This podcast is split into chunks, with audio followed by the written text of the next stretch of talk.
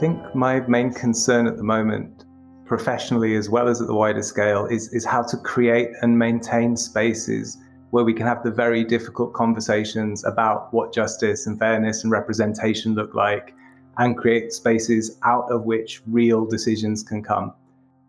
We all need to get out of our kind of Netflix uh, four wheel drive kind of comfort and uh, yeah, do something different. If we would like live in a well being society and you would be a well being human in that society, what would that be like? And what would what change would be needed for other people to experience that same thing? Hej och välkomna till Samtidspodden nummer 67. En andra podd i raden av tre Push Summit specialpoddar där vi pratar klimat och demokrati. Och på vår sajt altitudemeetings.se här har vi samlat sex fantastiska videoföreläsningar som ger dig massor med kunskap om dessa våra två viktigaste samhällsutmaningar. Föreläsningarna är gratis, de är fulla av riktig kunskap och jag kan garantera att du som lyssnar kommer gilla dem.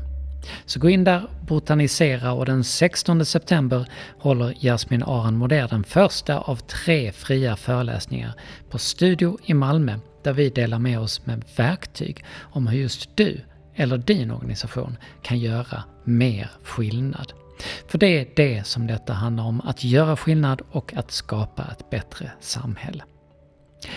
Här idag så sitter jag med tre smarta människor. Framtidsstrategen Matt Finch från England, entreprenören Rowan Drury som bland annat driver den hållbara butiken Gram och Malin Lett som arbetar på Håll Sverige Rent, bland annat med Havsalliansen som syftar till att göra våra hav plastfria och vår plastanvändning cirkulär.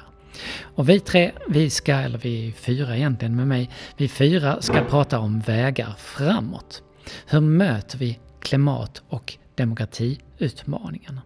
Och min första fråga det är om våra gäster personligen kan känna av den klimatoro som många unga känner och den rädsla för demokratins framtid som många äldre känner. Matt Finch börjar att svara. Already I think there's a tension even in the idea of breaking things down into generations because I can see also that older generations are thinking about what they will pass on to those who follow on. And often older people feel that sense of responsibility to a community and a sense of legacy. And younger people are sometimes feeling disenfranchised when you look at, say, the Brexit vote and the demographics of that in the UK. I think for me, uh, the Indian economist Amartya Sen said, There are no famines in a functioning democracy. That crisis doesn't happen in a democracy because governments don't want their voters to starve. They know they'll get voted out maybe the problem I think we face now is that there's a kind of crisis which our societies are not well configured to cope with. That the climate crisis is really difficult for democracy on the nation state model to adapt to or to address. And, and that's where the anxiety lies for me. Hmm.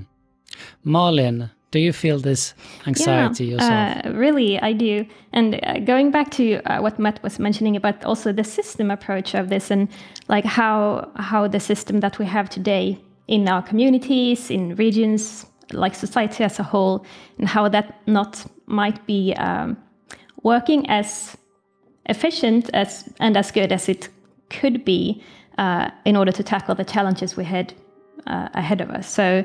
Um, it's a lot about the um, the need for us to participate, whether it would be about democracy or if it would be about climate change issues, like how I, as, a, and as an individual, could actually like tap into something and take action, and also to trust that process. So whether it would be at local community level or large scale uh, cross national level, uh, the system needs to be uh, properly functioning um, for it to for us to play that role that we need to take on. And Rowan, how's your anxiety um, level? It fluctuates, I must say. Um, and the work that I do as a consultant, working with companies and only companies who are really trying to work towards remaining below 1.5 degrees, uh, they're companies that we choose to work with. And there often comes a lot of hope um, because we see you know, com- like some companies really pushing the transition, really doing amazing things. Um, and you know talking to CEOs who are really on board and who want their whole team on board really sort of brings hope. But then you know sitting in a huge heat wave this summer and hearing people in the supermarket talking about how hot it is and people on the train arguing with their husbands because they're you know are too hot and this is just the beginning you know and that sort of brings me anxiety where it's kind of we're sort of dealing with you know in england it was around 30 degrees when i was there a couple of weeks ago and people not coping and this is just kind of you know it's going to get hotter and so then that brings me personal anxiety. Mm. So it sort of fluctuates between hope and fear a lot of the time. So if you go to altitudemeetings.se, you can see a video talk where Matt teaches us how to look into the future. Matt, could you uh, short tell us what you do for a living? So I work on strategy, but at a systems level. So whether it's a local or really a very large global institution level, we look at networks of relationships and dynamics between institutions, and then effectively an ecosystem to, to draw on that language of nature. And then around that, we look at the uncertainties which could reshape that system. And the best way to look at those uncertainties is to see how they might play out in times to come. So we create scenarios that tell us something about how different uncertainties might come together. So they're not predictions, they're not talking about the future we want to see. We say what might happen to this system in times to come and what does that mean for the decisions we have to make? And I see links already to, to this group in the room of, of um, thinking about how Rowan's work, for example, with the shop Gram in Malmö, connects to a wider zero waste movement and has to plug into the Swedish recycling system and the Swedish system of production and consumption. But the other thing these predictions do is it's not just about the future as a line on a graph. And I know Marlene has this wonderful zero waste podcast um, with a colleague, Evelina Lundqvist, and there's talk in one of those podcasts about shame related to sanitary products and attitudes to menstruation and whether people are willing to recycle those products. And one of the things, these scenarios that you do is think, what is the future of shame? What is the future of trust? What is the future of things that you can't necessarily assign a numerical value to? So that's in a nutshell what I do. And, and trying to predict those things, for you personally, does it get frustrating when, when you see the actions that are taken or, or, or the actions that are not taken afterwards? I think it's so challenging because the work of a strategist is really, it's almost like being a therapist. You can't make the decision for the person, you just try and help people to have the best conversation possible. So that's where I determine success or failure. I'm very happy if you work with people and they see something they didn't see before um, but ultimately, also I'm realistic about my own capacities and my own uh, ability. Like the best decision will be made collectively. The the human race or the group mm. or the community will find an answer better than Matt ever could. So so I don't get frustrated, but it's definitely a, a difficult process because you're so emotionally invested, and we we want good outcomes for for the people that we live with and serve. Could you tell us a bit yeah. about Gram? Um, so I kind of have uh, two hats. Uh, so as um, so I work as a sustainability consultant, um, primarily within communications um, for companies. Um, but then uh, six years ago, I started Sweden's first package-free grocery store called Gram, which is based in Malmö, um, and we are mostly a food shop. We sell like everything um, without packaging, so it's mostly loose weight dry products like rice and beans and flour, and we sell oils and vinegars and household products. Um, so anything that you can kind of dispense into your own container. So our customers come with their own like cloth bags or glass containers, and uh, they fill them up instead of having uh, pre-packaged goods. Um, and this is a concept that was started. Um, it's actually a very old way of buying food. We've just sort of put a modern twist on it in this sort of uh, zero waste concept that we have now. Um, but it kind of, the movement really started um, in Germany and France. And I was really inspired by the shop that started in Berlin. And then, yeah, I started Gram six years ago, and since then, a couple of other shops have um, similar shops have opened across Sweden. Um, but it's been kind of slow going. The um, yeah, the amount of shops that have opened here in Sweden has been fairly slow going. So, so this is a shop that's actually driving change Yeah. on a local level. Could you tell us uh, about how how that that's that's that's working? How what what change can you see happening? Um, so we've been we've existed for six years now, and we've always sort of made things work, and it's been going pretty well. Even through the pandemic, it kind of went well. Um, but in the last year, something has changed, and that's not just for us. The shop in Berlin that was my inspiration has just declared bankruptcy. So uh, something has sort of changed with the global economy, and uh, perhaps with perhaps with people's attitudes or people saving money. I don't know. It's many different things have come at once in the last year that have meant we are now kind of really struggling economically. And it's such a shame because over the last kind of 10 years, this zero waste movement has grown and grown, and more and more stores have opened. And then suddenly there's been a shift, and suddenly everyone's closing down again. And it's just such a shame to not Oh, and what's happened? What is um, it that's I happening? mean, all of our prices have gone up over the our buying prices have gone up over the last year, which means we've had to increase our sales prices, which means less people can afford us. Um, people are also saving money because mortgage interest rates have gone up. You know, there's so many things going on at the moment with the economy that's kind of affecting how careful people are with their spending, which is totally understandable. Um, and so I think that's been the main thing that sort of pushed down our sales over the last year, and uh, the same in Germany and, and and the UK, I think as well. So d- can you see this as as something that uh, is a threat to all kinds of similar Yeah, initiatives? I mean, well, I sort of have some frustration because it is very expensive to run a small company. Um, and there isn't a lot of focus on kind of small to medium sized companies that are really driving the kind of local agenda and helping people make good decisions.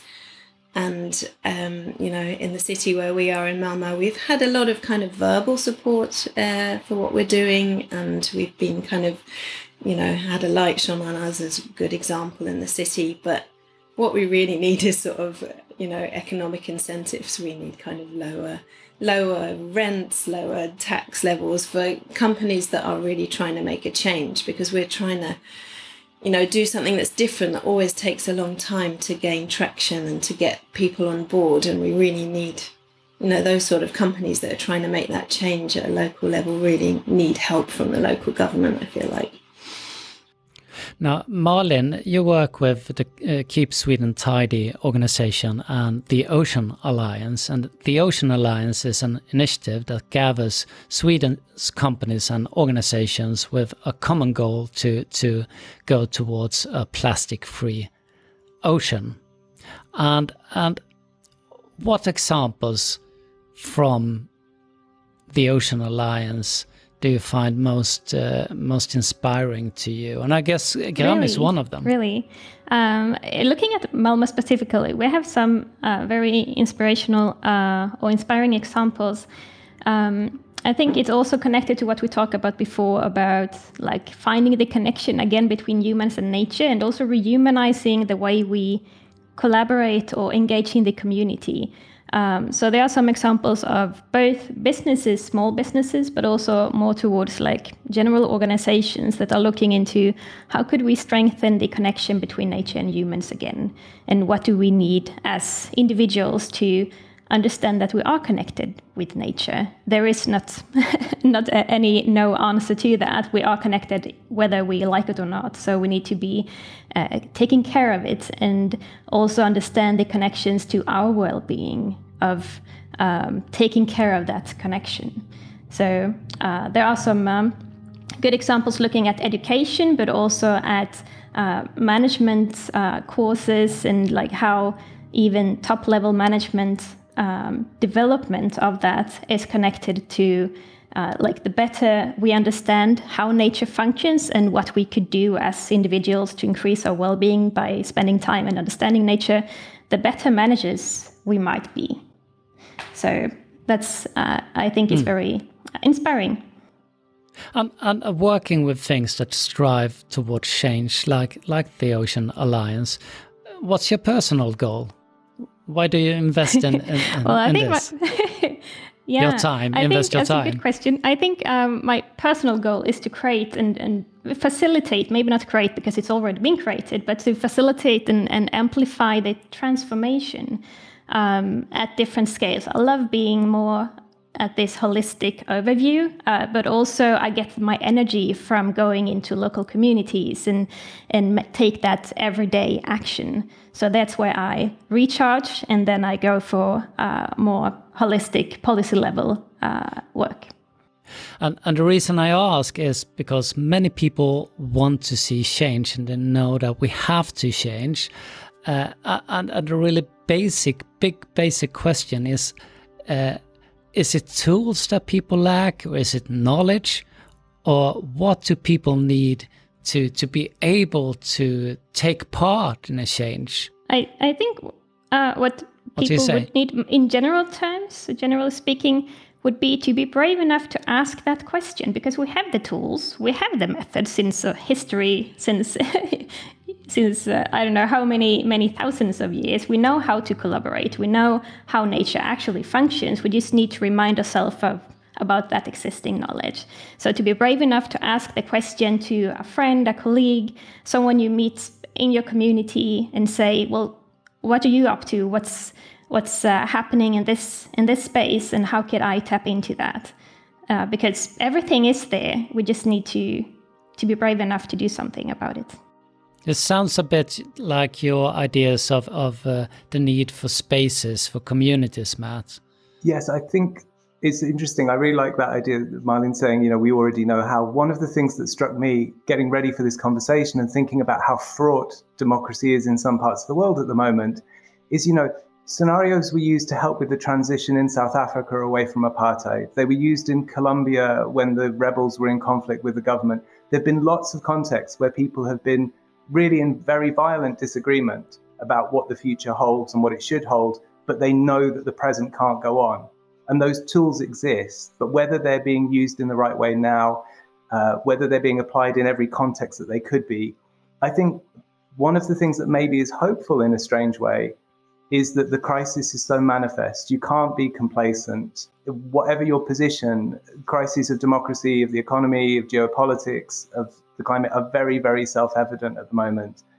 Uh, and the, the German poet Hölderlin has this line, you know, um, where the danger is, that's where rescue will come from too. So I think being able to attend to that is vital.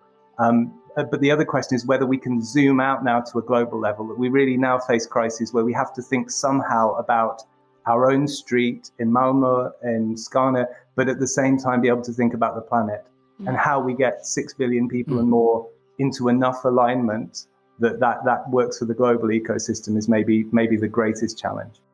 And listening to you, Rowan, uh, it sounds like your your idea is that we need stronger support from from the cities, from the government, economical support to to be able to to um, take care of, of all these initiatives that there yeah already yeah, exist. absolutely um i mean that support but i also i mean we tend to be very comfortable in our lives and that makes us uh, resistant to kind of change and resistant to doing things that are take a little bit more time or a little bit harder but that are better for all of our futures. So it's kind of we all need to get out of our kind of netflix uh, four-wheel drive kind of comfort and uh, yeah do something different. But yeah that's a challenge in the, in the way we live now I interviewed uh, uh, the Children's Fund in Sweden, Barnfonden, who told me that if they were to go out on the streets and, and collect money because a thousand kids are dying at this moment, they would succeed. But if they would go out to the streets and say 100,000 kids is going to die 10 years from now, they would not get any money at all because people can't really grasp that that amount of time and realize that we have to take actions today to stop something bad to happen tomorrow. And I guess this is a, a, huge problem also when it comes to to um, um, talking to people who want to take actions but not knowing exactly how they're going to do it because it's so much easier to to engage in, in the things that's right in front of us than to actually see your own role in changing something that's far from now. Uh, do you talk to people about engaging personally in these subjects, in doing something for change? Is this something you talk about your friends with during dinner? I can start and say all the time. yeah, it might be common for all of us. Um, and uh, one one thing that I often tend to like fall back to is then like both the sense of this is out of my what I could influence zone. I, I feel like the person I'm talking to, uh, that person might feel that I can't I can't do anything or what I would do wouldn't matter. Um, and then also to uh, the sense of like it's too too far away. I it's not directly impacting me or my life. But what I what I feel works quite good to talk about is going back to us as humans again and our well-being. Both like what's if we would like live in a well-being society and you would be a well-being human in that society, what would that be like? And what would what change would be needed for other people to experience that same thing?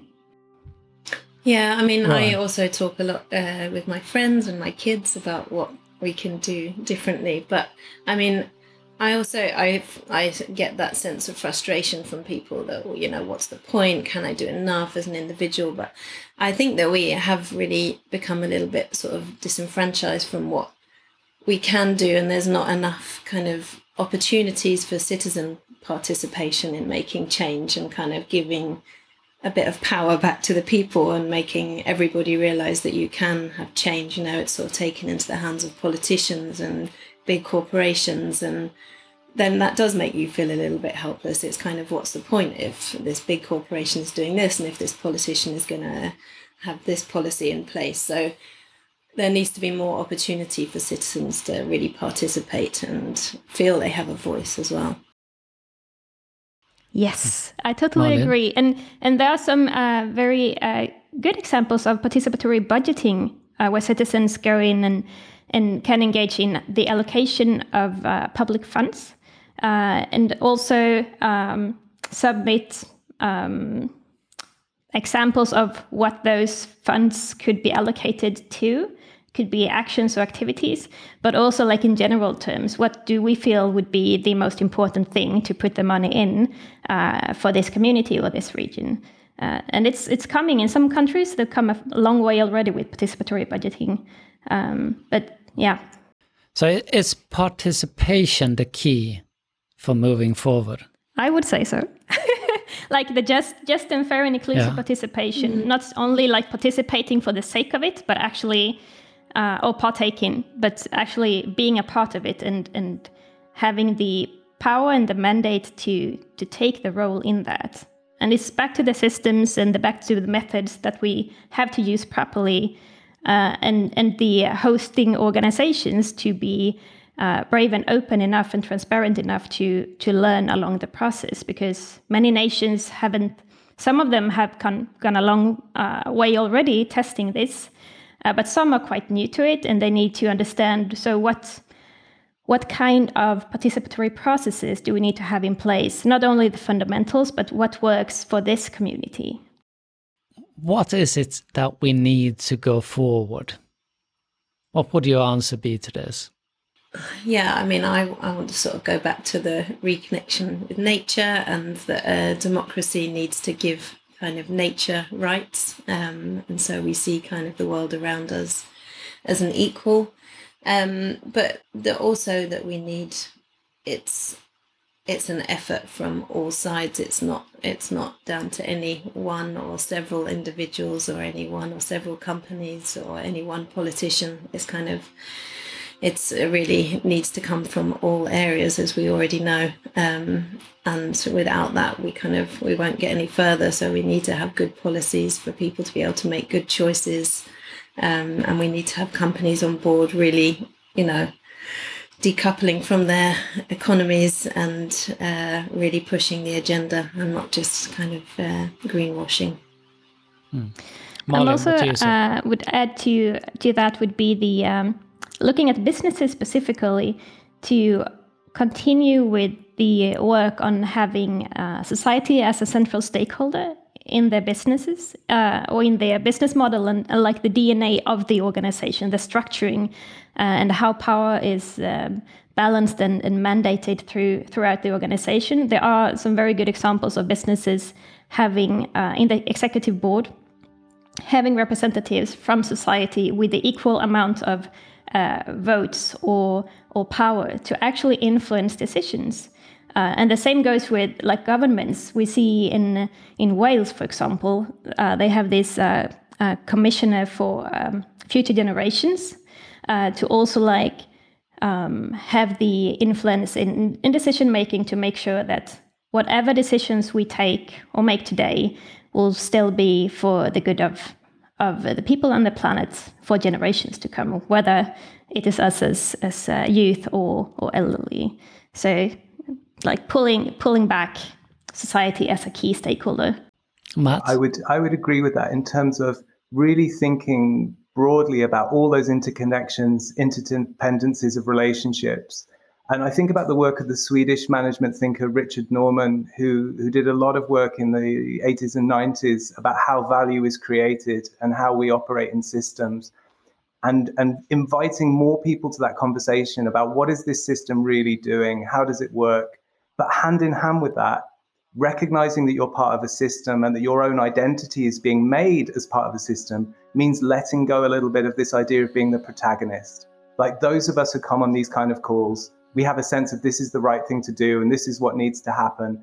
And sometimes understanding that people have very different values and very different goals, and somehow we have to work collectively to move forward. I think relinquishing that idea of being a rescuer or a protagonist in the same way of not always putting pressure on youth to be the hope and ideals of tomorrow. Mm-hmm. Um, it's sort of about shouldering a collective responsibility for the systems that we inhabit. Och det här var allt från oss här på Samtidspodden. Gå gärna in på altitudemeetings.se. Där hittar ni alla föreläsningar som ingår i vår multimediakonferens Push Summit. Hörni, vi ses igen nästa vecka.